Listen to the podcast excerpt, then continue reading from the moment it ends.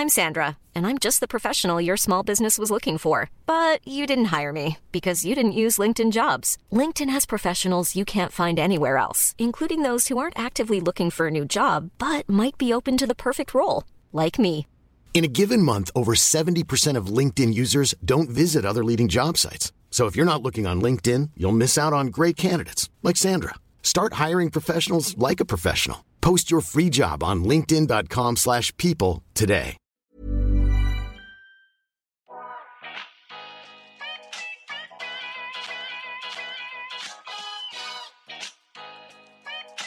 Välkommen till En timme med där jag, Sanja Tigeltia, träffar människor som inspirerar mig, som berättar om sina karriärresor, pratar självutveckling och hur de har kommit dit de är idag. I dagens avsnitt så träffar jag Sofia Breiholt. Hon är VD för Reach for Change som är en ideell organisation som genom sociala entreprenörer förbättrar livet för barn och unga. Och det vi först och främst dyker in på är vad är en social entreprenör och vad gör dessa? Men också hur de hittar sociala entreprenörer runt om i världen och hur de faktiskt hjälper dem. Vi pratar också om, att, eh, om Sofias uppväxt. Hon växte upp i en diplomatfamilj.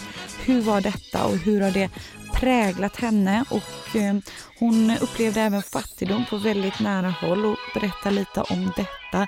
Ett sjukt härligt och inspirerande avsnitt.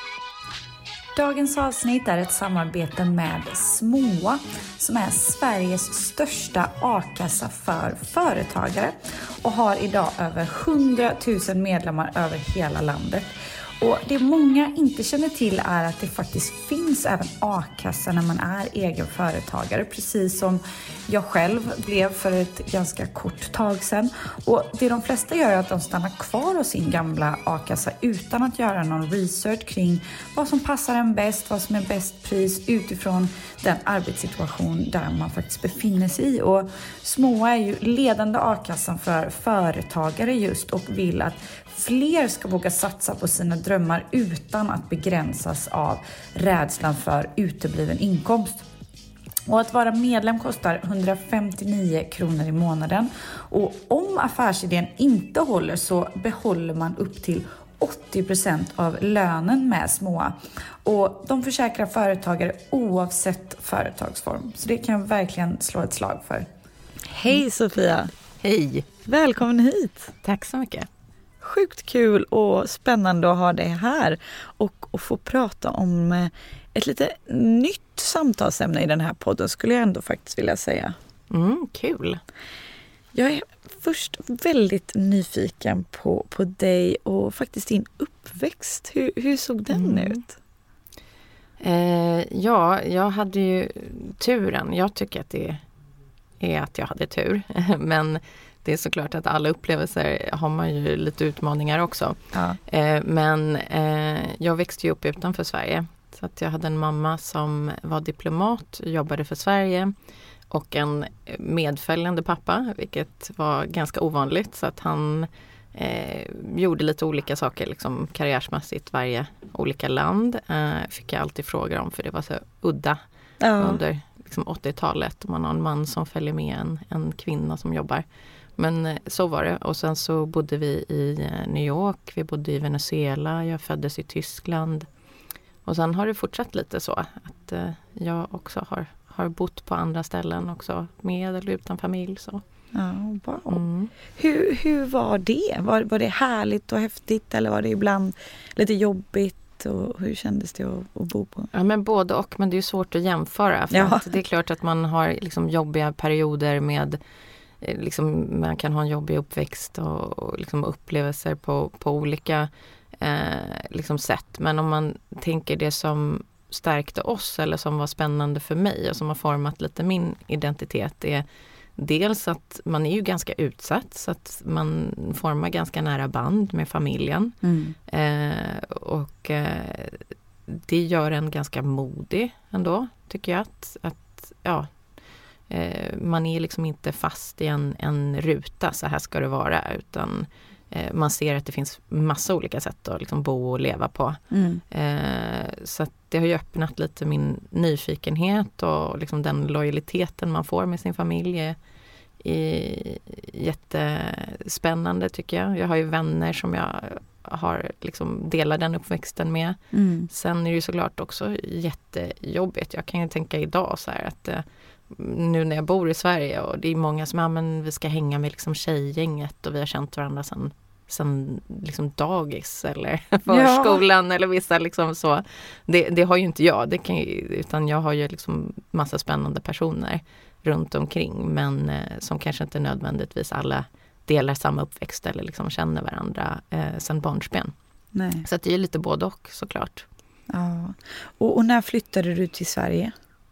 Eh, jag, jag gick eh, två år gymnasiet här faktiskt med en internationell eh, linje. Ja. Men det var väl egentligen när jag flyttade till Sverige. Då hade jag bott här när jag var väldigt liten, när jag var kanske till, upp till eh, fyra. Mm. Och så flyttade jag tillbaka när jag var 16. Eh, var det tufft att flytta till Sverige? För det tycker jag är intressant, du som har bott i utlandet större delen liksom av ditt liv. Var det svårt att, och flytta hit och ta sig in? För man har ju hört lite att Sverige är ganska svårt, speciellt Stockholm, när man är liksom utifrån.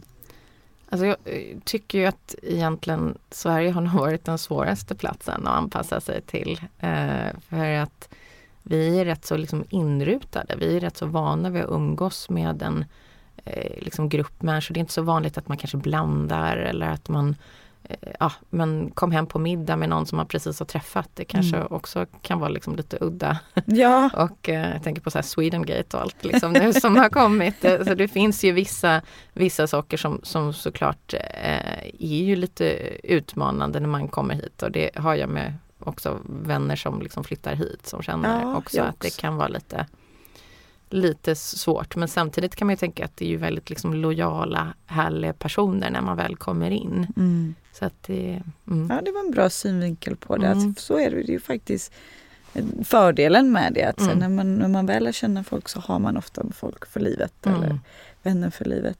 Och, och, du upplevde ju fattigdom på nära håll för ni bodde i mm. Venezuela, visst var det så? Och kan du inte berätta lite om hur det var att bo där? Men jag brukar alltid berätta liksom det minnet som var liksom fängslade mig först när jag kom ner, flyttade ner när jag var 12 då. Att det fanns liksom inga trottoarer. Nej. Så det fanns ju ingen, alltså man skulle ta en stor bil om man hade det. Eller någon liksom buss som man liksom sitter på överallt där det finns plats liksom och taket också hänger utanför. Om man inte hade det, eller så liksom gick man men det var ju, fanns ju inga trottoarer att gå på. Så det var liksom det första som slog mig.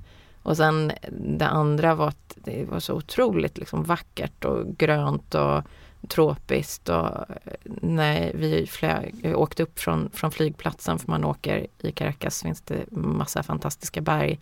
Och då såg det ut på kvällen som det bara glittrade. Och sen så åkte man ner på, på kvällen och så såg man att det var ju inte glitter egentligen utan det är ju um, eh, alltså skjul där folk ja. bor där de har kopplat upp sig på el och så. Så det är ju bara vissa saker att se att alla har ju inte rinnande vatten och se mm. det på nära håll. Och alla har faktiskt inte liksom, tillgång till elektricitet och vissa har hus som är byggda av eh, papp. Mm. Så är det ju. Mm. Eh, och det, bli, det var ju en ganska stor chock från New York när man går runt där och, och liksom har... Verkligen. Ja. Mm. Oh, wow, det måste varit, eh, ja, men som du säger, en chock. Mm. Eh, för jag tror att man, man är någonstans medveten om det men man ser det inte på nära håll.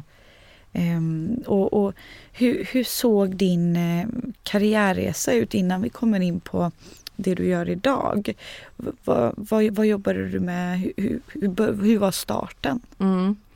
Eh, jag eh, har ju läst på magprogrammet som är statsvetenskap och nationalekonomi och var helt fokuserad på att jag skulle liksom åka ut och jobba för FN. Eh, och jag vet inte om det finns liksom flera som lyssnar som kanske känner den här eh, att man är kanske ung och, och naiv och liksom tänker att det här är den enda liksom, banan. Och sen så när jag eh, hade läst på universitetet och jag läste ändå i Lund för jag tänkte att jag ville få en, en svensk här, förankring Eh, då var det liksom under en period när jag kom ut, hade gjort massa praktikplatser på FN och EU och olika saker och skulle börja söka jobb i Sverige. Eh, och då fick jag inga jobb.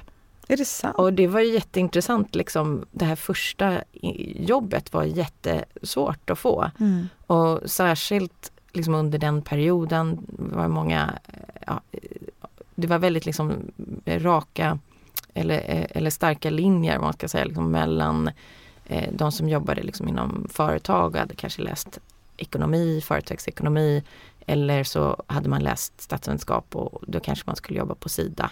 Liksom, Mm. Det fanns ju inte så mycket liksom emellan. Nej. Eller att man kanske gick in i civilsamhället men just då var det väldigt få som gick emellan de här olika sektorerna. Mm. Eh, och det tyckte jag var, var spännande men eh, första jobbet var jättesvårt att få. så, Oh, wow, ja, intressant. eh, så då gjorde jag massa praktikplatser och, och betalda praktikplatser och försökte liksom få erfarenhet så. Och sen till slut eh, tyckte jag var väldigt svårt med civilsamhället så då gick jag över till näringslivet och eh, jobbade som managementkonsult ett tag. Okej. Mm. Hur trivdes du med det? Eh, alltså man får ju en väldigt bra verktygslåda. Ja. Eh, men eh, jag kände, och det är intressant för det är någonting som har kommit upp nu väldigt mycket senare tid. Så att liksom folk som, att man vill ju ha ett liksom högre syfte. Ja. Man vill ju jobba med något annat än bara liksom att ett vissa få ska få, liksom delägare ska få väldigt mycket pengar. Mm. Vilket var väl en del av det Ja. det jag kände liksom, det var ganska inrutat och, och just då var det ju inte så många som pratade om hållbarhet. Man hade liksom inget ESG-ramverk eller hållbarhet och liksom det perspektivet. Nu tycker jag det är så kul för att jag tror verkligen att Fridays for Future och Black Lives Matter, alla de här sakerna, det liksom är ju en punkt nu när man är trött på hur det har varit. Ja, ja, ja, Om man vill ha något nytt. Mm. Eh, och det är så lustigt för vi gör ju på Rich for Change så gör vi studier här varje år och liksom frågar allmänheten Vill ni att företag ska engagera er i ehm, eh, samhällsfrågor? Eh, och de som säger absolut direkt ja eh, och vi vill att de ska göra det och ta en väldigt aktiv roll, det är kvinnor och unga. Mm. Så jag tror att det är också det är liksom ett, ett skifte här, att det är många som, som vill jobba med någonting annat liksom, som faktiskt är bra för planet och för människor och så. Eh, och när jag började så var det inte riktigt så. Nej. Men, eh, men det var en väldigt bra skola att att jobba inom liksom, den branschen. Verkligen. Mm. Och jag menar, man måste ju få en lön at the end of Ja. the day och du, du som du sa, du sökte ju jobb och det blev ju det här Ja. och man ska ju så aldrig ångra någonting men jag håller verkligen med dig i att man många idag, det man hör ehm, och, jag kan bara utgå från mig själv också, är att det känns godare i magen när det är ett högre syfte. Mm. Eh, att man eh, hjälper någon annan eller att det, det, ja, det, det, det, känns gott i magen. Mm. Ehm, och det hör jag bland vänner och sådär också. Men innan vi går in på Reach for Change som du är VD på idag. Mm. Så hade jag velat eh, lyfta vad är socialt entreprenörskap? För det kommer ju nämnas Mm. många gånger. Mm. Så att man går in på det. Och jag själv är inte så insatt. Mm. Så att jag själv är jättenyfiken och vet inte riktigt innebörden helt heller. Nej men det är jättespännande för det är också något som har kommit upp de senaste åren väldigt mycket. Ja. Eh, och det egentligen helt enkelt handlar om att ta entreprenörskap och vara, vara igenkännande för en entreprenör. De är modiga, de vågar se liksom problem eh, och de hittar liksom en innovativ lösning och de driver det. Eh, och att de vågar eh, ha fel och de vågar ehm, falla platt och sen så liksom prova igen. Så det är en viss liksom mentalitet, en viss grit som man måste ha. Så att det handlar om att ta det, liksom det bästa av det, av det entreprenörskap men att applicera det på samhällsutmaningar helt enkelt. Okej. Eh, Så att göra någonting, eh, man gör någonting som, som förbättrar, eh, som faktiskt löser en, en, en utmaning som vi har. Men man gör det med liksom, entreprenöriell bak, bakgrund eller entreprenöriellt synsätt eller arbetssätt. Så att man behöver inte, också som igen eh, kännetecknar att man kanske inte behöver direkt ha en finansiell avkastning utan man vill ha liksom en samhällsavkastning. Mm. Någon, någonting, någon, någon förändring i samhället. Sen, Mm. sen behöver det inte betyda att man inte ska tjäna pengar. Men det är hur återinvesterar man de pengarna och vad använder man de pengarna till? Också en fråga. Men hade man kunnat säga då att jag som driver den här podden som vill hjälpa andra att bli inspirerade och hitta rätt i sina liv. Hade man kunnat säga att jag är en social entreprenör? Ja, den är jätteintressant. Jag tror att det handlar också om hur man själv definierar sig själv. Ja. Alltså, och det har jag märkt jättemycket. Det är de entreprenörer som vi jobbar med, de, de frågar mig, är jag en social entreprenör? och då försöker, men det, vad, vad anser du själv? Anser du Ja. själv att du, du liksom drivs av att lösa en utmaning som finns eh, i samhället? Liksom? Ja. Är det din primära? Är det därför du går upp på morgonen? Aha, okej. Ja men det är jättebra. Jag drog det som exempel bara Mm. för de som undrar så här, Mm. ja, men vad, kan, vad är, eller vem är ett exempel på en Mm. so, social entreprenör?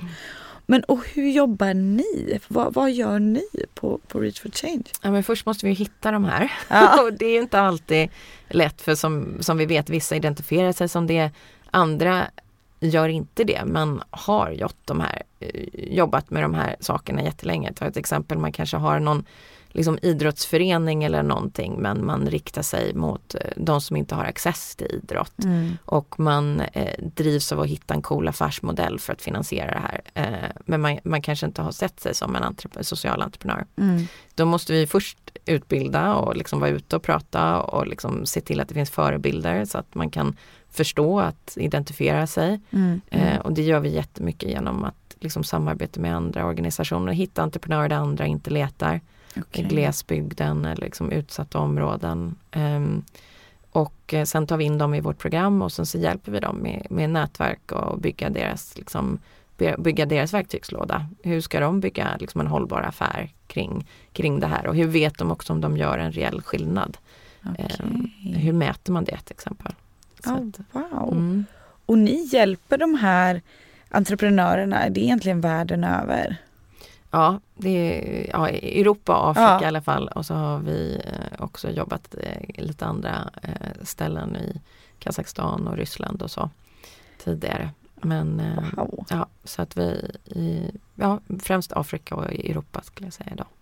Och kriteriet är en, egentligen att man ska vara en social entreprenör och göra samhällsnytta. Ja, och sen ska man ha kommit en viss del Ja. på sin resa så att eh, man behöver inte komma så långt men Nej. man ska liksom ha testat lite en idé.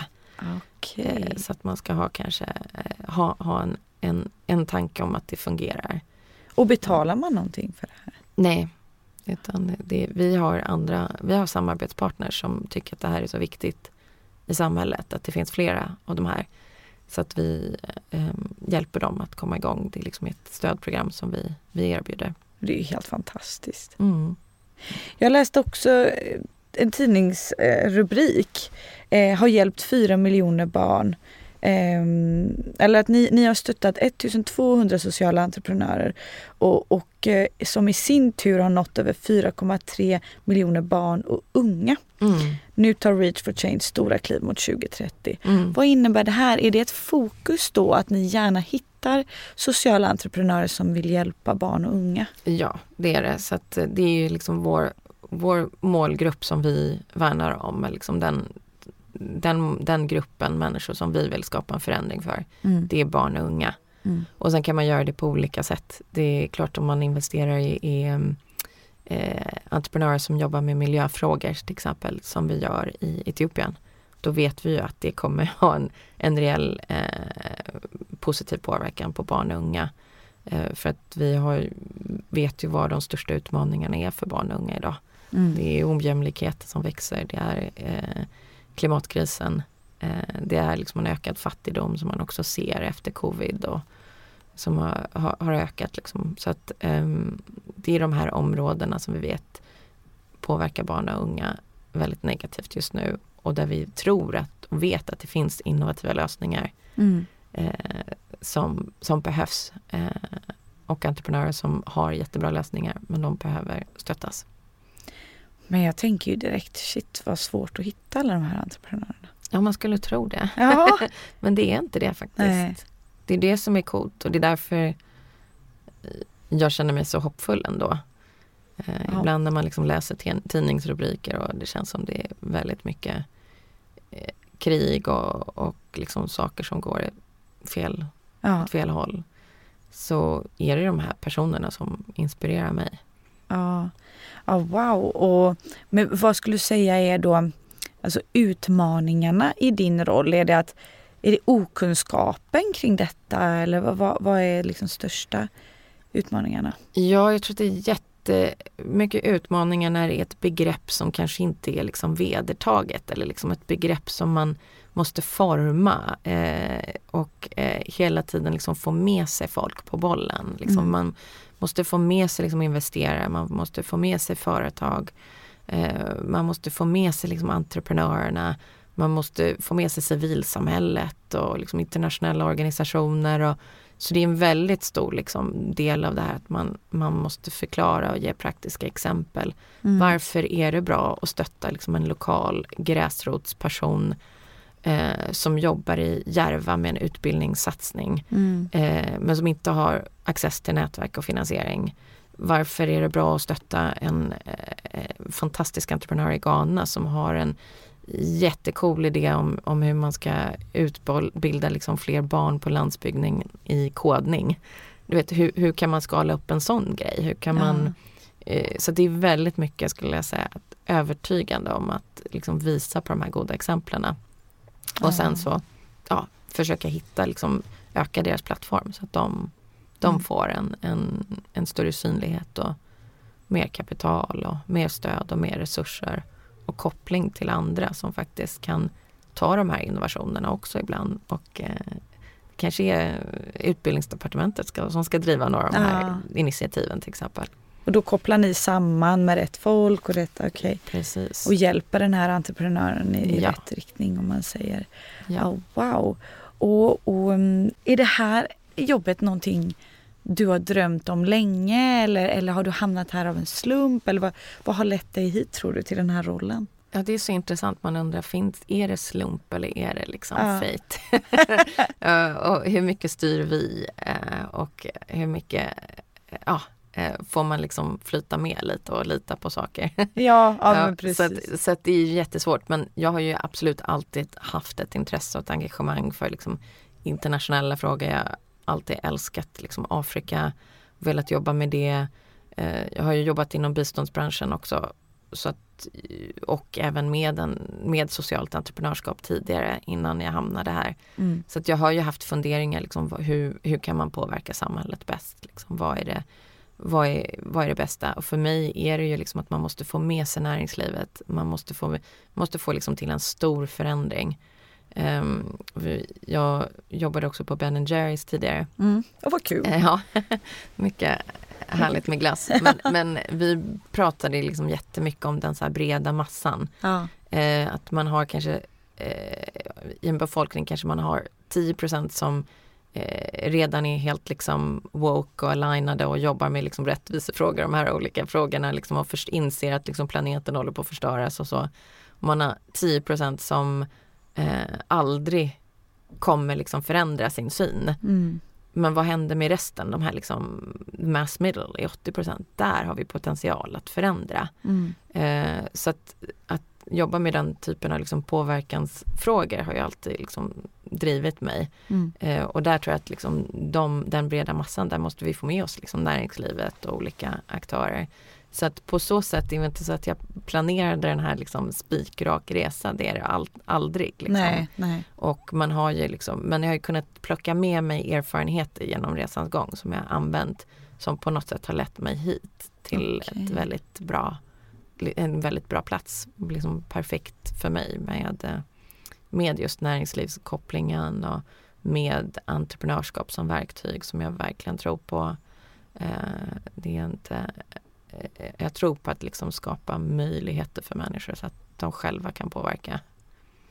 Men tror du det är ett problem eller ser ni att det är ett problem med okunskap kring det här? Eh, alltså att ehm, Ja men att, att, att eller, eller är det så pass många som vill jobba med den här typen av frågor i samhället idag?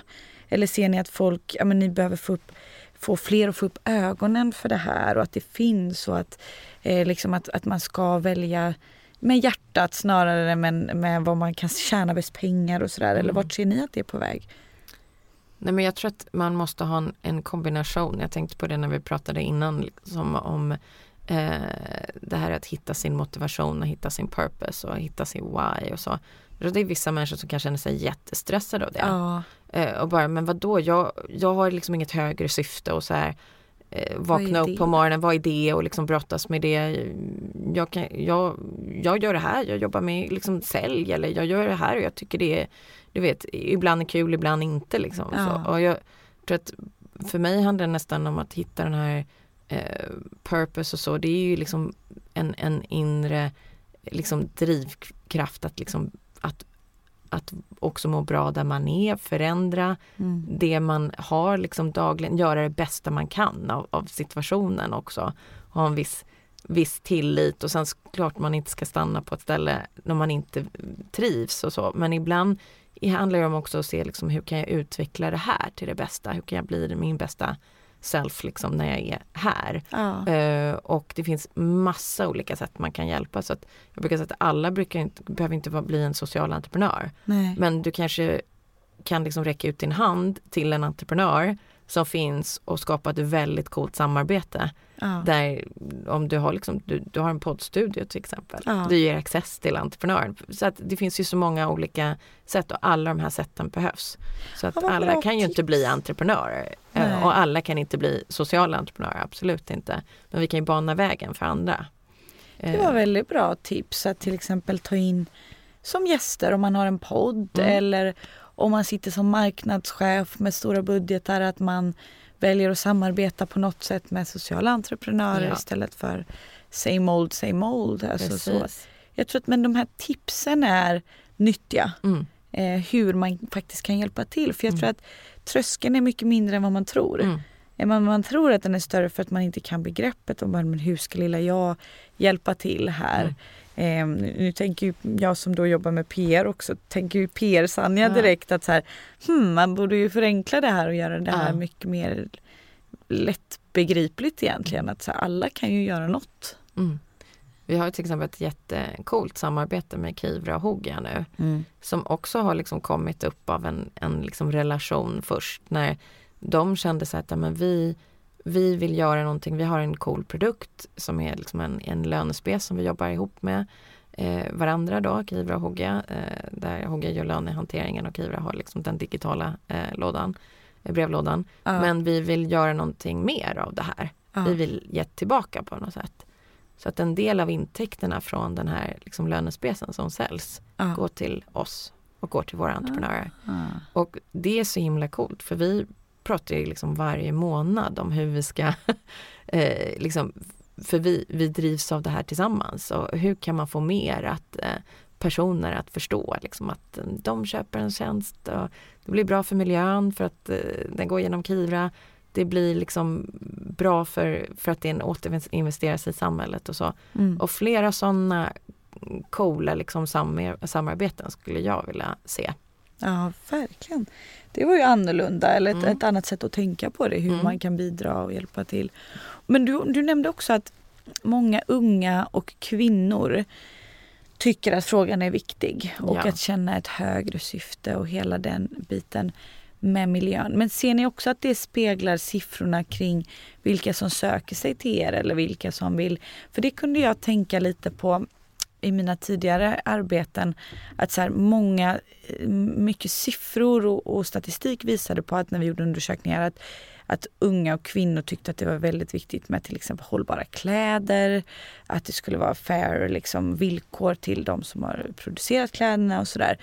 Men ändå så köpte alla fast fashion Mm. kläder. Mm. Så att det, det som jag kan se som är så här, vilket är fantastiskt att folk bryr sig. Men ser ni också att, att folk gör någonting åt saken, de som Mm. faktiskt bryr sig? Är du med på frågan? Ja men det är ju jättesvårt att omvandla den här liksom Ja. ångesten till att faktiskt eh, eh, ändra sitt eget beteende. Eh, men jag tycker att jag ser ganska många som bra. tänker på det här på ett annat sätt. Ja. Nu är jag privilegierad att liksom de som söker till oss, det, de har ju redan liksom bestämt sig för att Ja. göra någonting åt saken.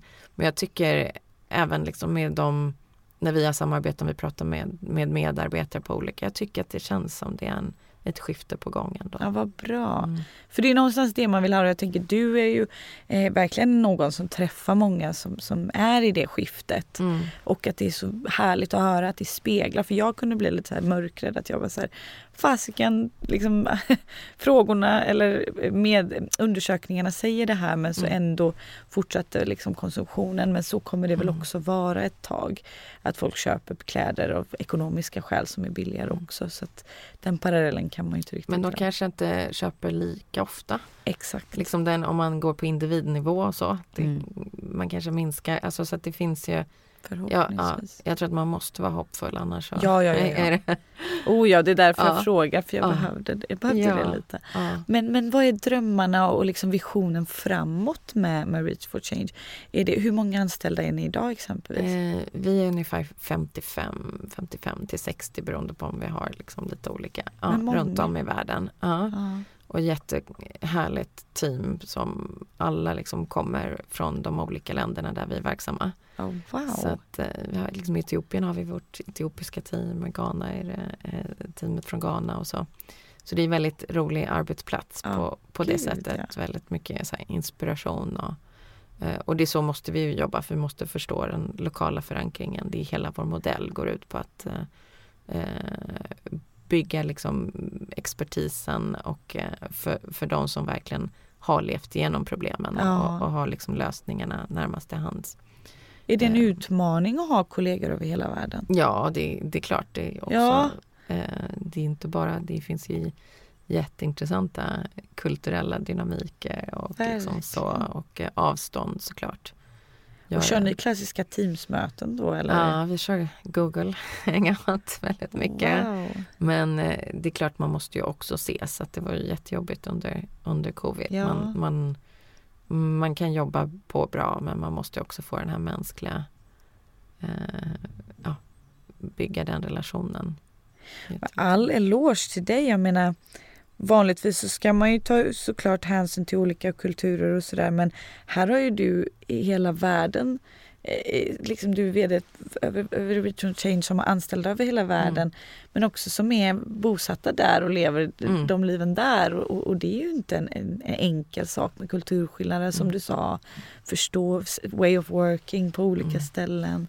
Hur, hur kopar du med det? Alltså det är ju jätteintressant. Nu har vi ju, vi har ju fortfarande en pågående konflikt i Etiopien till exempel.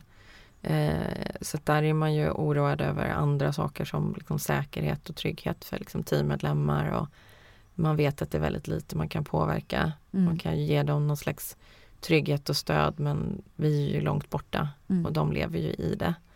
Eh, så att den, eh, det finns ju massa sådana utmaningar. Eh, men jag tror att liksom man måste hitta någonting som förenar eh, också. Så att vad vi försöker göra är att, är att verkligen prata om vad är, liksom det, vad är det som förenar oss? Vilka liksom värderingar handlar det om? Och mm. det handlar ju om uh, att vara modig uh, och att uh, vi har så här smart, brave and passionate. Och det lever ju vi liksom varje dag. Att man, um, och att man också drivs av den här gemensamma motivationen att, att hitta de lösningar som kan faktiskt göra livet bättre för framtida kommande generationer. Oh, wow. Nej, det, det, är otroligt inspirerande att höra och, och, och, väldigt bra känner jag nu att jag inte kunde allt för mycket om det för jag bara suger åt mig som en svamp. Men jag, jag lät dig aldrig svara klart på vad var planen och drömmarna framåt?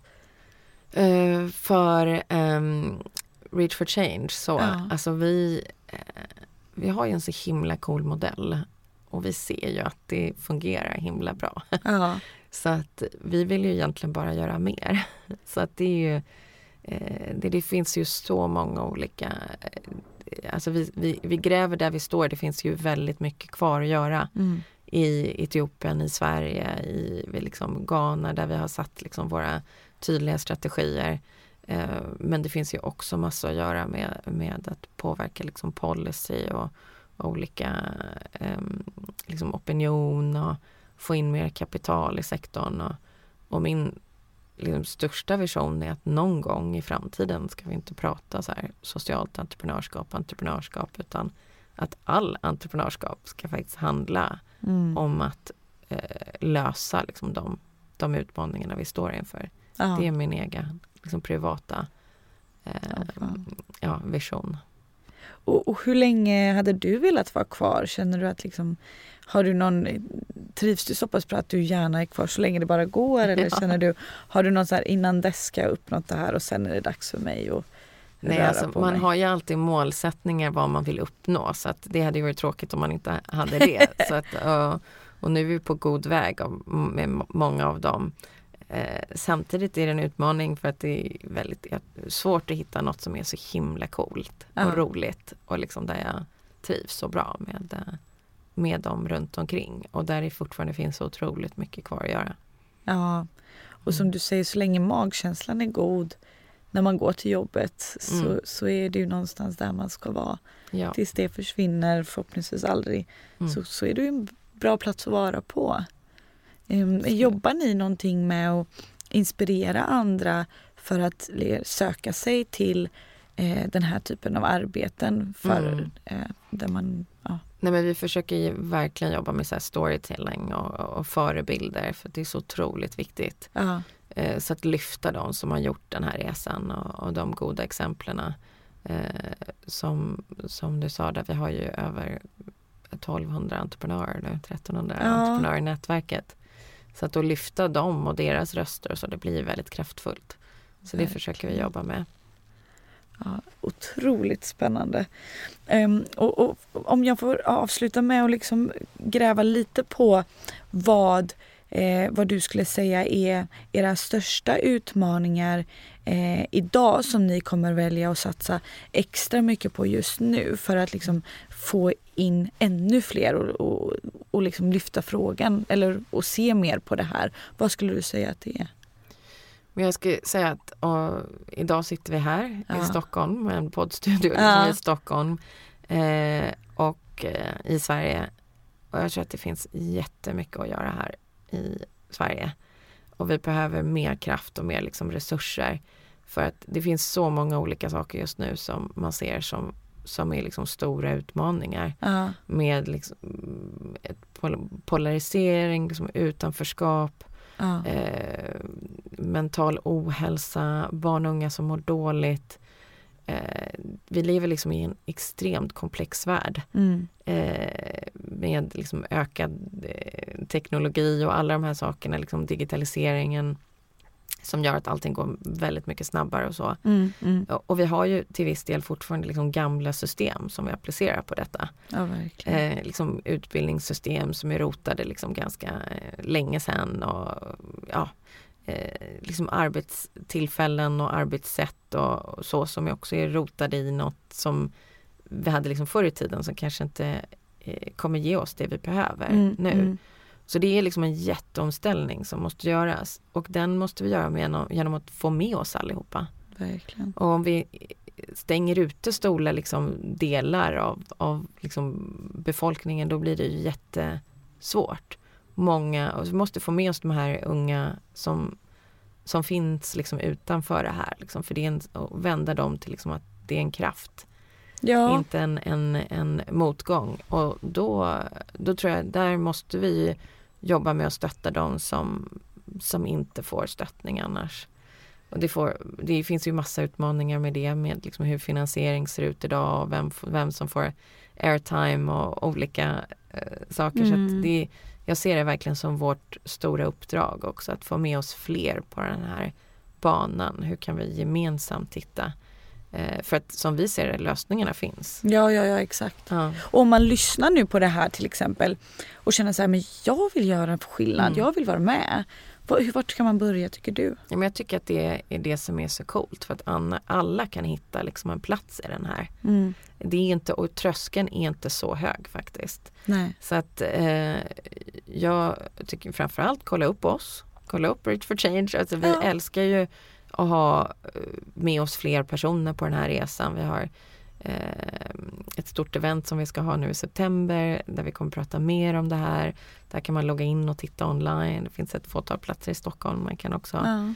eh, den 14 september. Men också liksom att bara börja följa våra stories och våra eh, medier och så. Så kanske någon som sitter på någon marknadsavdelning någonstans eller någon som har access till en studio eller någon fantastisk entreprenör som har tänkt att jag har drömt om att starta det här men eh, jag har inte haft liksom vetat att jag har kunnat. Ja, man, ja, då, då vet man att, att vi finns i alla fall. Ja. Eh, och om det inte är vi så kan vi gärna slussa vidare till någon annan. Ja, wow. Ja, för jag ger, det är bra tips, väldigt bra tips. För jag vet att ja, men, lyssnarna älskar tips. Men också för att eh, ibland så känner man sig, men vart, vart börjar jag ens? Mm. Då är det skönt att bara säga, men då kan jag i alla fall börja följa där. Mm. Börja kolla vad ni gör, hur kan man liksom få inspiration? Eh, och, och, och sedan så leder ju det säkert till fler möjligheter. Men, men en fråga som jag inte har förberett dig på, som jag brukar ställa till alla gäster är vem inspirerar dig och eller vem hade du velat höra i podden? Och då kanske det är någon social entreprenör tänker jag nu som du bara så här, som har gjort en cool resa eller som, som gör något fantastiskt för samhället. Det kan vara vad som helst, högt eller Ja. lågt. Ja men vi har så himla många så det är alltid så svårt. För att, eh, och jag älskar den här frågan för vi har så otroligt många Ja. Eh, och några har ju vi haft själva på, på vår egna podcast, några. Ehm, men just nu har vi faktiskt en entreprenör som är verksam i Göteborg ehm, som driver någonting som heter Mermaid School. Jaha. som heter Mona som är jättecool. Eh, som, hon driver simskolor egentligen. Och hennes resa är att när hon kom till Sverige för sex år sedan så kunde hon själv inte eh, simma. Eh, och hon såg att det skulle hindra henne för att eh, ta sina gymnasiebetyg och få behörighet och sen ta liksom, sin utbildning. Och sen dess har hon, eh, utbildar hon massa i Wow. eh, simning. Så att det är en väldigt cool resa Ja. och jag tycker man inspireras av henne för att eh, hon har inte sett utmaningen, hon har ju sett liksom, en enorm potential i en jättestor utmaning. Verkligen. Och ehm, simning är ett fantastiskt exempel på liksom, eh, en sak som kan vara inkluderande eller exkluderande. Mm. Mm. Ehm, Verkligen, Så verkligen. Och det, det är väldigt många också som kommer till Sverige med samma bakgrund, eller inte specifikt samma bakgrund, men som flyttar hit som inte kan simma. Mm. Ehm, och kanske i olika åldrar, man har missat de åren där Mm. barn vanligtvis brukar gå i simskola eller liknande. Ehm, så det låter jätteinspirerande faktiskt. Mm. Tack snälla du för att du ville komma hit och, och gästa. Vi sa det innan att det kändes, eh, det går så fort ibland och det är så sjukt att titta på klockan att det nästan gått en timme redan. Ja, Ja, vi kunde ha fortsatt. ja verkligen. Tack! Tack så mycket. Om ni gillar podden så får ni hemskt gärna dela den här med era vänner men också gå in och prenumerera och jättegärna lägga en liten kommentar. Det hade gjort mig så otroligt glad.